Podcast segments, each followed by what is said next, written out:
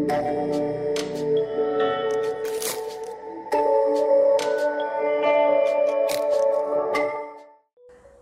saudara, Happy New Year 2021. Saya berdoa dan berharap saudara dalam keadaan sehat dan dilindungi oleh Tuhan kita. Saudara, saya beri judul khotbah hari ini adalah This is going to be a great year. Ini akan menjadi tahun yang hebat untuk kita. Ini akan menjadi tahun yang baik untuk kita. Saudara, kita bersyukur bahwa kita boleh mengalami sesuatu di tahun 2020 dan tentunya saya yakin kita sudah belajar banyak di tahun 2020. Karena saya percaya bahwa God waste nothing, Tuhan tidak menyia-nyiakan musim apa pun yang terjadi di dalam kehidupan saudara dan saya. Dan tidak ada segala sesuatu hal yang terjadi di dalam kehidupan kita yang merupakan kejutan bagi pencipta kita. Bahkan di Alkitab dikatakan bahwa Tuhan sudah mengenal saudara sebelum Anda dibentuk di rahim ibu Anda.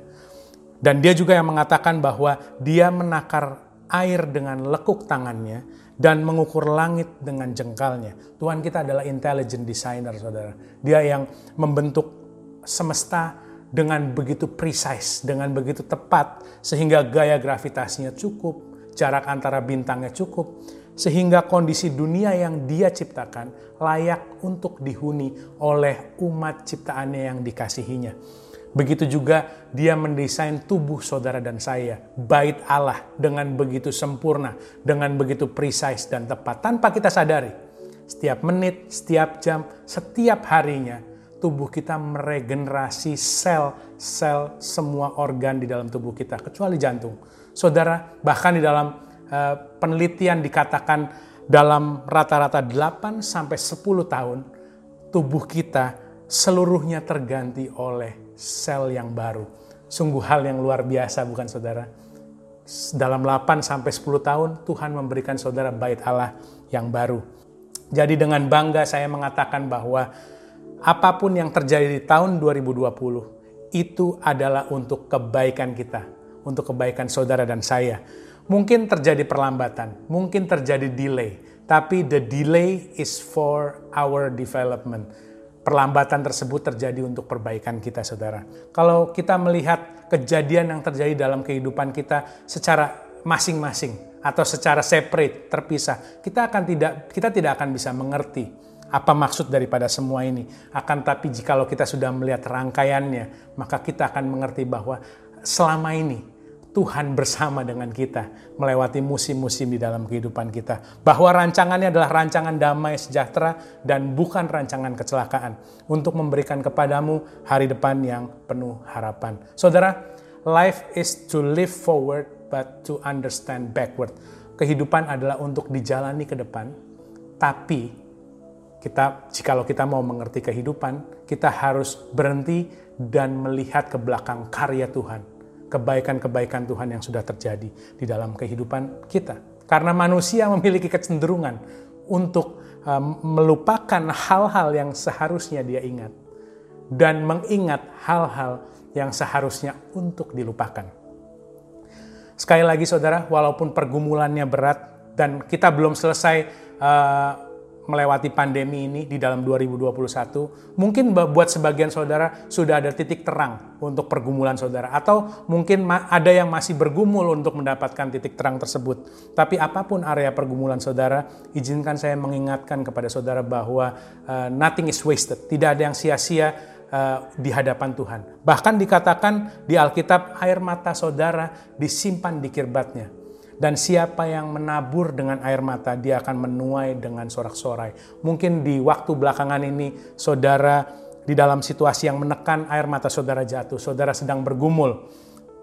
Pada saat saudara sedang berdoa, pada saat saudara menangis di hadapan Tuhan, mungkin saudara sedang merasa terdesak, mungkin saudara merasa tersakiti atau tidak ada jalan keluar. Tapi tanpa saudara sadari, saudara sedang menabur dikatakan di Alkitab sampai tiba suatu waktu di musim itu di mana saudara menuai dari air mata saudara dengan sorak-sorai.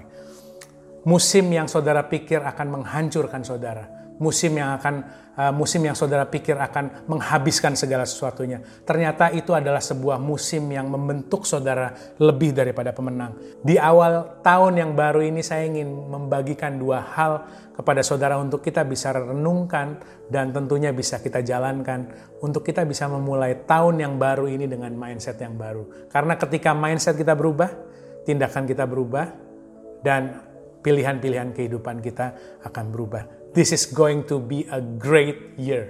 Poin saya yang pertama adalah get ready to break the cycles. Bersiaplah untuk lepas daripada sebuah siklus, saudara. Saudara, mungkin saudara pernah membuat sebuah New Year's resolution yang tidak terlaksana. Di awal tahun biasanya kita membuat uh, goals atau tujuan-tujuan atau target-target yang ingin dicapai di tahun itu. Tapi seiring berjalannya waktu kita melupakan target tersebut saudara dan kembali kepada kebiasaan yang lama. Karena sekali lagi manusia memiliki kecenderungan untuk melupakan hal-hal yang seharusnya dia ingat dan mengingat hal-hal yang seharusnya untuk dilupakan saudara. Di dalam pengkhotbah 3 ayat 1 untuk segala sesuatu ada masanya untuk apa pun di bawah langit ada waktunya. Dan dilanjutkan di ayat-ayat uh, selanjutnya ada waktu untuk mencabut, ada waktu untuk uh, menanam, ada waktu untuk merombak, ada waktu untuk membangun saudara. Dan seterusnya. Di dalam uh, pengkhotbah tadi, dalam ayat tadi uh, menggambarkan bahwa di dalam kehidupan kita itu seharusnya terdiri daripada kumpulan-kumpulan sebuah musim kehidupan Nah, setiap tahun yang baru saya selalu mengingatkan diri saya bahwa ini adalah musim yang baru yang Tuhan berikan kepada saya, musim yang baru yang Tuhan sediakan untuk saya jalani. Tetapi jikalau uh, kita tidak hati-hati, kita tidak aware, tidak berjaga-jaga Saudara, uh, musim kumpulan musim-musim kehidupan itu bisa uh, bermutasi. Mungkin Saudara uh, familiar dengan kata-kata mutasi, itu bisa bermutasi dari musim kehidupan, dia bermutasi menjadi siklus, menjadi sebuah cycle. Siklus dan musim tidak sama, saudara. Musim berubah seiring dengan waktu. Akan tapi siklus, siklus hanya bisa berubah oleh keputusan kita, saudara dan saya. Musim itu adalah sebuah tempat, waktu, kondisi, atau mindset yang kita masuki dan yang akan kita akhiri, kita akan keluar dari musim tersebut seiring dengan waktu. Akan tetapi siklus itu adalah uh, tempat, waktu, kondisi atau mindset di mana yang kita masuki dan kita tidak pernah keluar dari situ. Itu adalah sebuah siklus atau cycle, saudara. Contoh, kalau musim, musim penghujan, saudara. Kalau kita bisa melewati bulan Agustus, atau September, kita akan tiba di musim kemarau. Pada saat itu kita akan terbebas daripada uh, segala sesuatu yang terkait dengan musim hujan. Tidak perlu bawa payung, tidak akan kebasahan di tengah jalan. Akan tapi siklus berbeda, saudara. Siklus karena waktu bisa berjalan terus, bahkan bisa bertahun-tahun berjalan, akan tetapi kondisinya tetap sama. Waktu berubah, tapi relationship-nya stuck. Tidak Waktu bisa berubah, tapi resourcesnya stuck, tidak berubah. Waktu bisa berjalan terus, tapi damainya tidak berubah, saudara. Waktu bisa berjalan terus, tapi kehidupannya stagnan. Berjalan di tempat, saudara. Itu adalah sebuah siklus. Itu adalah sebuah cycle. Saudara, kita perlu mengetahui sedikit mengenai kebiasaan atau habit, saudara. Charles Duhigg di dalam bukunya The Power of Habit ada dia menyebutkan seperti ini, ada tiga komponen yang membentuk kebiasaan atau habit. Komponen yang pertama itu adalah pemicu. Pemicu, saudara. Pemicu adalah yang menyebabkan orang melakukan apa yang dia buat sehingga menjadi sebuah rutinitas. Eh, Charles Duhigg mengatakan bahwa pemicu bisa beberapa hal. Dia katakan bahkan ada lima hal. Lokasi. Mungkin ada lokasi-lokasi tertentu yang menjadi pemicu rutinitas saudara. Pada saat saudara mencapai suatu lokasi tertentu, ada suatu aktivitas yang saudara ingin lakukan. Uh, pemicu yang kedua, waktu. Ada waktu-waktu tertentu yang menjadi pemicu aktivitas saudara. Mungkin bangun tidur, mau tidur, atau uh, setelah makan. Mungkin ada aktivitas yang saudara akan lakukan secara otomatis. Pemicu yang ketiga dikatakan di situ kehadiran orang-orang tertentu. mungkin eh, teman-teman ngumpul saudara akan menghasilkan sebuah rutinitas tertentu yang saudara sudah bangun dengan mereka. Eh, dan itu sekali lagi bisa positif, bisa negatif saudara. Tapi dikatakan di Alkitab kebenarannya adalah pergaulan yang buruk merusakkan kebiasaan yang baik. Itu yang perlu kita pegang saudara. Karena uh, rutinitas kita akan terbentuk dari kehadiran-kehadiran orang siapa pun yang ada di sekitar kita. Pemicu yang berikutnya adalah dikatakan emosi kita. Pemicu kita adalah emosi kita. Ada emosi-emosi tertentu yang bisa menjadi pemicu sebuah kebiasaan. Contohnya orang uh, stres. Orang stres ada yang uh, mengkaitkan stres tersebut dengan belanja. Jika stres, maka saya belanja. Atau ada juga orang yang mengkaitkan stres dengan makan. Jika saya stres, maka saya makan. Jadi saudara, ada juga yang uh, pemicu lain yang mungkin uh, perbuatan yang saudara barus, barusan lakukan, baik itu rasa bersalah saudara ataupun rasa senang saudara, itu adalah pemicu. Itu adalah elemen yang pertama. Elemen yang kedua setelah pemicu yaitu adalah perbuatan atau rutin, rutinitas. Rutin adalah perbuatan yang kita lakukan secara berulang-ulang dan itu akan menjadi kontributor terbesar di dalam kehidupan kita. Tahap ini sangat penting saudara, karena dikatakan 40% daripada kegiatan yang biasa kita lakukan sehari-hari itu adalah kebiasaan atau habit atau berulang-ulang. Di tahap sekali lagi di tahap kebiasaan ini bisa positif dan bisa negatif. Hal ini sangat penting eh, karena the secret of our future is hidden in our daily routine. Dan elemen yang ketiga Saudara di dalam kebiasaan itu adalah reward atau hadiah atau keuntungan atau kenikmatan atau sensasi yang sedemikian rupa menyenangkan untuk dinikmati pada awalnya sehingga kita merasa oh hal ini perlu diulangi kembali untuk supaya kita bisa mendapatkan rasa euforia tadi, hadiah tadi atau sensasi tadi. Nah, kita perlu sangat-sangat sadar dan sangat-sangat waspada mengenai tiga hal ini, saudara. Apa pemicunya? Apa tindakannya? Apa sensasi atau hadiah yang kita dapatkan dari perbuatan tersebut. Karena kita akan cenderung untuk mengulangi tiga hal tersebut secara berulang-ulang, saudara. Pemicu, tindakan, hadiah. Kita akan cenderung mengulangi hal tersebut. Biasanya kita akan mengejar hadiah atau sensasi atau uh, reward yang muncul atas perbuatan kita. Dan tanpa kita sadari, saudara, tanpa kita sadari, kita sudah terjebak dengan sebuah kebiasaan yang berulang-ulang sehingga akhirnya menjadi sebuah siklus. Apa yang dimaksud dengan sebuah siklus? Siklus terjadi pada saat kita sudah tidak mendapatkan reward atau hadiah atau sensasi yang dulu kita pernah dapatkan atas perbuatan tersebut. Pada saat itu, kita akan merasa kita seperti berada dalam sebuah hamster wheel atau kita akan berlari-lari dengan uh, sepenuh tenaga kita, sepenuh effort kita, akan tapi kita tidak mendapatkan rasa ataupun kebahagiaan yang dulu kita rasakan atas perbuatan-perbuatan tersebut, saudara. Nah, saudara, sekali lagi kita tidak berdaya untuk lepas daripada sebuah siklus jikalau kita tidak bersama dengan Tuhan. Kita tidak akan bisa lepas daripada sebuah siklus dengan kekuatan kita sendiri. Kita butuh Tuhan. Karena saya ingin mengingatkan kepada saudara bahwa Tuhan adalah cycle breaker.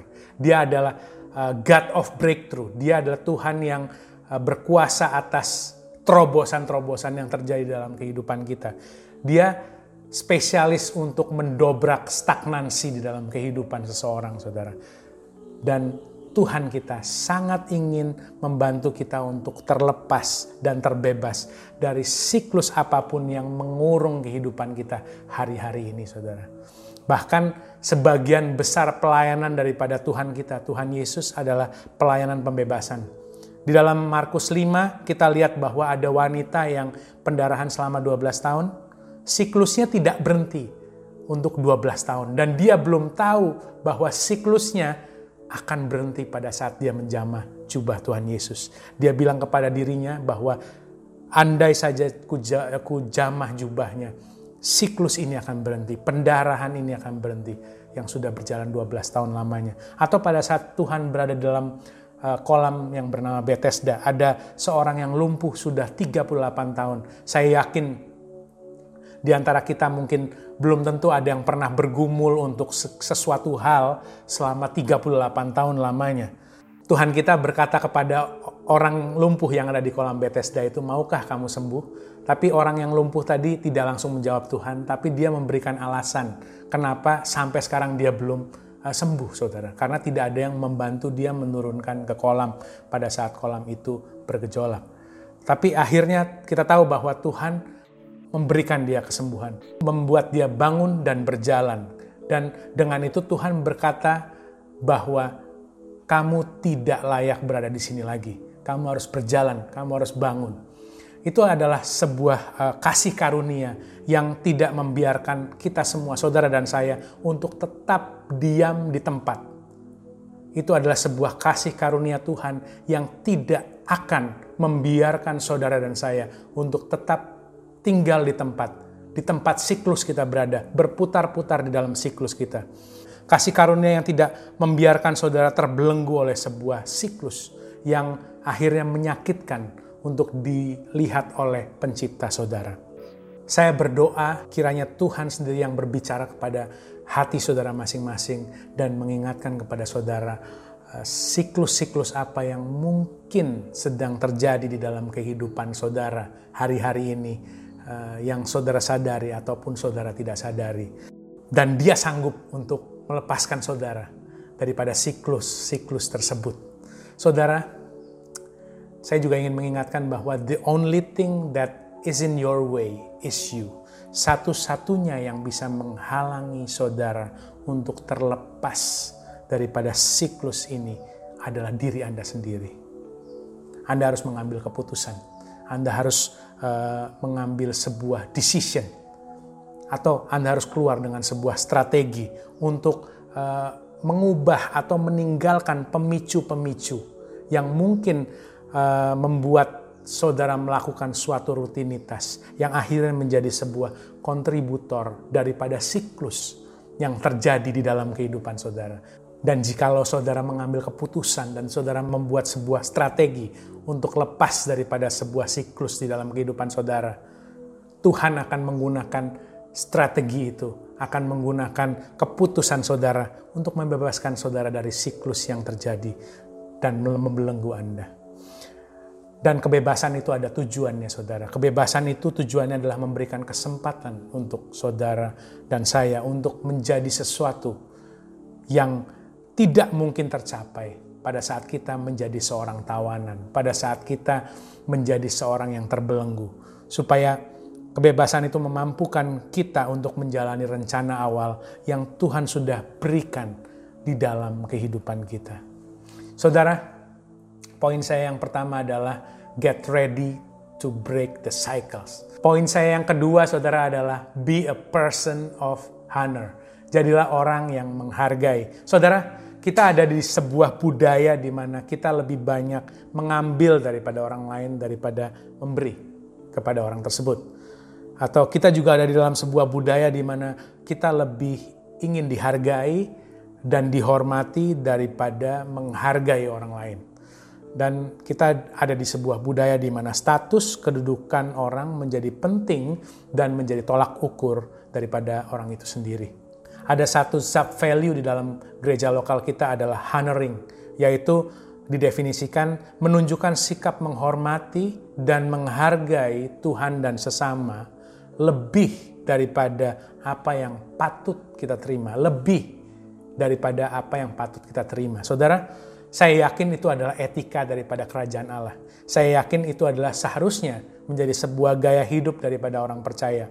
1 Petrus 2 ayat 17, Show respect to everyone, love the family of believers, fear God, honor the emperor. Hormatilah semua orang, kasihilah saudara-saudara seiman, takutlah akan Tuhan dan hormatilah raja. Atau di dalam salah satu daripada sepuluh perintah Allah yang diberikan kepada Musa dikatakan, hormatilah ayahmu dan ibumu, supaya lanjut umurmu di tanah yang diberikan Tuhan Allahmu kepadamu. Dalam pelayanannya, Tuhan juga menunjukkan rasa hormat, rasa menghargai ini saudara. Dia menyentuh orang-orang dan menyembuhkan mereka yang sakit kusta di saat mereka tidak seharusnya untuk disentuh, saudara. Atau Tuhan kita juga duduk dan makan dengan orang yang uh, dikatakan tidak layak untuk bersama dengan dia, yaitu seorang pendosa. Uh, Sakeus, kepala pemungut cukai, saudara. Uh, tapi Tuhan kita mati untuk orang-orang berdosa. Di tahun yang baru ini uh, ada sebuah kesempatan baru untuk uh, memulai menjadikan rasa menghargai ini, honoring ini menjadi sebuah gaya hidup kita memiliki kesempatan ini untuk mempraktekkan honoring uh, menjadi sebuah lifestyle. Saya ingin mengajak saudara untuk kita menghargai lebih daripada apa yang patut kita terima. Honor up, menghargai Tuhan. Dikatakan di Alkitab, seorang anak menghormati bapaknya dan seorang hamba menghormati tuannya. Jika aku ini bapa, di manakah hormat yang kepadaku itu? Jikalau aku ini Tuhan, di manakah takut yang kepadaku itu? Firman Tuhan semesta alam. Tuhan kita layak untuk menerima rasa hormat daripada kita semua, saudara. Hunter up, hunter down. Mungkin ada orang-orang yang tidak patut kita hargai, tidak patut kita hormati. Tapi di Alkitab dikatakan seperti ini, kebenarannya adalah Tuhan Yesus berkata, jikalau kamu melakukan untuk salah satu orang yang hina ini, maka kamu melakukannya untuk aku. Pada saat kita hundred down, kita melakukan untuk orang-orang yang hina, yang mungkin tidak patut kita hargai. Ketahui saudara bahwa kita melakukannya untuk Tuhan. Kita sedang menghargai Tuhan kita. Kita sedang melakukannya untuk dia. Honor all around. Kita harus menghargai orang-orang yang ada di sekeliling kita yang uh, mungkin sering berinteraksi dengan kita, saudara keuntungan dari, yang saudara dapatkan dari rasa menghargai orang-orang yang ada di sekitar saudara adalah saudara pasti akan dihargai juga. Anda pasti akan dihormati juga. Karena dalam Alkitab dikatakan sebagaimana kamu kehendaki supaya orang perbuat kepadamu, perbuatlah juga demikian kepada mereka. Saudara, saya ingin menjelaskan lebih lanjut tentang rasa honoring atau menghargai ini melalui sebuah uh, kisah di dalam pelayanan Tuhan kita, yaitu ketika Tuhan kita kembali ke kota asalnya, kota kelahirannya yaitu Nazaret. Di dalam Markus 6 eh, ayat 1 sampai 6, saya akan bacakan untuk saudara. Kemudian Yesus berangkat dari situ dan tiba di tempat asalnya, Nazaret. Sedang murid-muridnya mengikuti dia.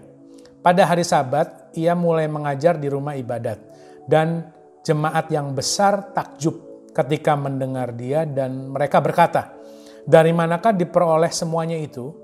Hikmat apa pulakah yang diberikan kepadanya? Dan mujizat-mujizat yang demikian bagaimana dapat diadakan oleh tangannya? Bukankah ia ini tukang kayu, anak Maria, saudara Yakobus, Yoses, Yudas, dan Simon? Dan bukankah saudara-saudaranya yang perempuan ada bersama kita? Lalu mereka kecewa dan menolak dia. Maka Yesus berkata kepada mereka, seorang nabi dihormati di mana-mana kecuali di tempat asalnya sendiri, di antara kaum keluarganya dan di rumahnya.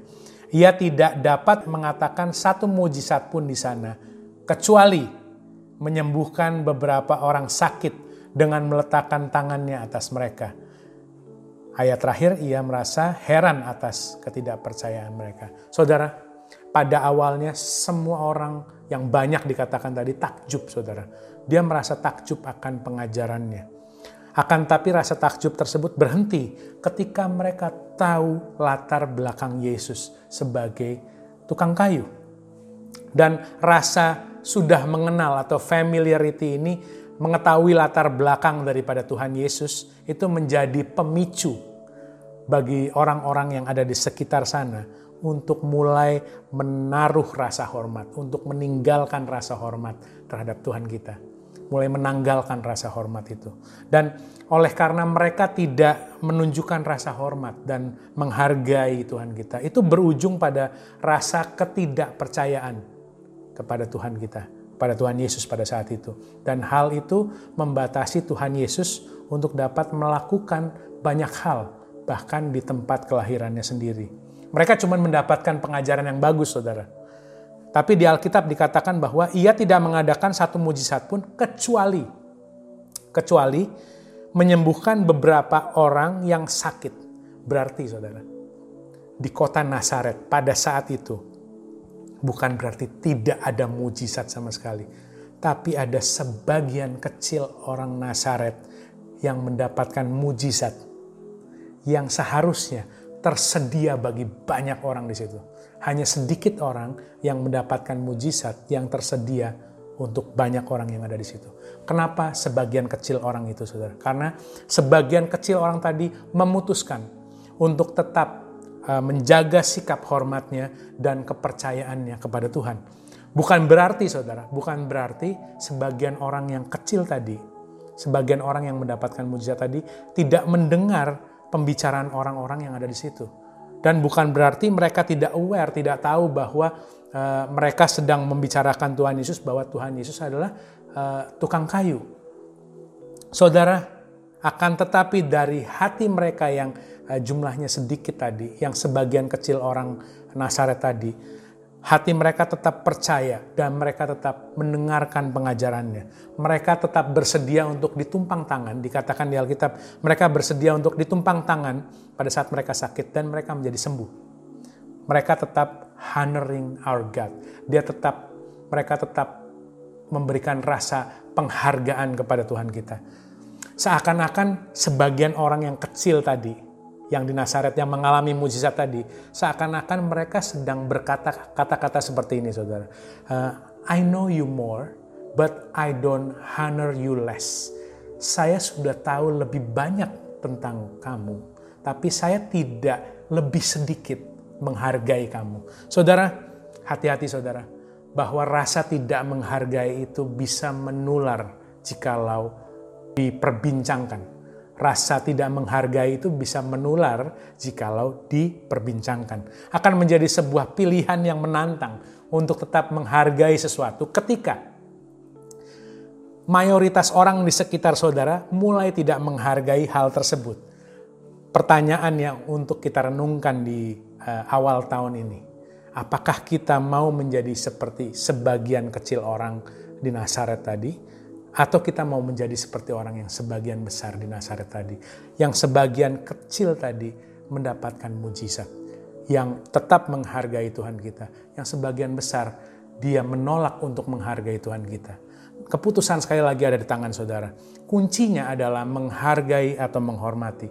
Banyak orang yang tidak mengalami terobosan di dalam kehidupan mereka karena mereka sudah terlalu familiar atau sudah terlalu terbiasa dengan cara-cara yang uh, mungkin akan dilakukan oleh Tuhan kita untuk menyelesaikan segala pergumulan di dalam kehidupannya. Padahal Tuhan kita adalah Tuhan yang sangat kreatif. Cara-cara dia untuk menyelesaikan pergumulan dalam kehidupan saudara dikatakan bahwa apa yang tidak pernah dilihat oleh mata, apa yang tidak pernah didengar oleh telinga, dan yang tidak pernah timbul dalam hati manusia, semuanya itu disediakan Allah untuk mereka yang mengasihi dia. He is a God of breakthrough. Dia adalah Tuhan atas terobosan di dalam kehidupan kita. Dalam kisah di dalam Markus 6 tadi saudara jelas terlihat bahwa sikap menghargai akan memberikan kita akses kepada sesuatu yang tidak biasa. Honor will give you access to the unusual. Mungkin hal tersebut tersedia bagi banyak orang, tapi hanya dialami oleh sedikit orang yang mau tetap untuk menjaga penghargaannya, ke, menjaga hormatnya kepada Tuhan kita. Saudara, di dalam semua aspek kehidupan kita, jikalau kita mulai mempraktekkan uh, honoring atau rasa menghargai ini, kita menjadi a person of honor. Kita menjadikan honoring ini menjadi sebuah lifestyle. Saya yakin dan percaya bahwa Tuhan akan menggunakan keunikan-keunikan yang sudah dia taruh di dalam kehidupan saudara, baik itu keahlian atau kemampuan yang dia sudah taruh di dalam kehidupan saudara. Dia akan gunakan uh, keunikan itu dengan tidak biasa, dengan unusually. Saudara, begitu juga dalam relationship kita dengan sesama. Menghargai sesama bukan hanya akan memberikan nilai tambah di dalam interaksi kita. Akan tetapi, honor is the key to unlock what God have for you through everybody else surround you. menghargai, sikap menghargai itu adalah kunci untuk membuka segala sesuatu yang Tuhan sudah berikan untuk saudara yang dititipkan melalui orang-orang yang ada di sekitar saudara. Begitu juga dengan relationship dengan sesama. Pada saat kita menghargai orang lain yang ada di sekitar kita, yang berinteraksi dengan kita, kita juga akan dihargai oleh orang tersebut. Kita akan diberi penghargaan, penghormatan oleh orang tersebut. Dan pada saat uh, kita mendapatkan hal tersebut, tanpa kita sadari, perlakuan orang tersebut akan membuat Anda menghargai diri Anda sendiri oleh karena Anda dihargai oleh orang lain, Anda mulai belajar untuk menghargai diri kita sendiri. Sebuah titipan dan nilai yang luar biasa yang diberikan Tuhan melalui orang yang di sekitar kita, yaitu apa? Kita menghargai diri kita sendiri. Karena pada akhirnya, pada saat kita berinteraksi dengan orang lain yang ada di sekitar kita, pada akhirnya adalah bukan eh, apa yang mereka rasakan terhadap kita pada saat kita selesai berinteraksi dengan mereka. Tapi yang paling penting itu adalah apa yang mereka rasakan tentang diri mereka sendiri pada saat kita sudah selesai berinteraksi dengan mereka. Kita harus memperlakukan orang yang ada di sekitar kita dengan uh, honor, dengan penghargaan, supaya mereka juga bisa menghargai diri mereka sendiri. Otomatis saudara, kita juga akan dihargai oleh orang sesama kita. Atau saudara, ketika Anda berinteraksi dengan orang yang mampu menghargai waktu Anda. Dengan cara apa? Dengan cara datang tepat waktu. Atau uh, Anda sedang berinteraksi dengan orang yang mampu menghargai persahabatan Anda dengan menjaga komitmen atau janjinya. Saya yakin bahwa Anda tidak akan keberatan untuk meluangkan waktu lebih untuk mereka, bukan? Atau Anda tidak akan keberatan untuk memberikan kepercayaan lebih dan tanggung jawab lebih kepada mereka. Karena Anda tidak akan pernah tahu sikap menghargai Anda atau honoring ini akan memberikan saudara kesempatan yang saudara tidak pernah duga, saudara tidak pernah pikirkan sebelumnya terjadi di dalam kehidupan saudara. Sikap menghargai adalah kunci untuk membuka segala sesuatu yang Tuhan sudah titipkan untuk saudara melalui orang yang ada di sekitar saudara. Be a person of honor. Jadilah orang yang menghargai. Jadikan itu sebuah lifestyle di dalam kehidupan kita mulai awal tahun ini, saudara. Jadi ada dua poin yang untuk kita renungkan di awal tahun ini. Get ready to break the cycle. Be a person of honor. Saudara, tidak ada tahun yang lebih baik daripada tahun ini untuk recovery. Untuk uh, memulai segala sesuatunya kembali. Karena Anda bisa menggunakan momentum daripada perbaikan di dalam tahun ini karena semua sedang melakukan perbaikan di tahun ini. Dan ini adalah momentum bukan hanya untuk recover, tapi untuk melesat, untuk reproduce dan menjadi fruitful, menjadi banyak saudara. Di dalam seluruh aspek kehidupan saudara. Keluarga, pekerjaan, studi, bisnis, dan lainnya. Tapi uh, ada satu hal yang bisa uh, merusak momentum daripada tahun ini saudara. Yaitu apa saudara? Yaitu menunda Saudara, menunda itu bukan dosa, tapi menunda bisa membunuh tugas yang Tuhan sudah berikan di dalam kehidupan saudara.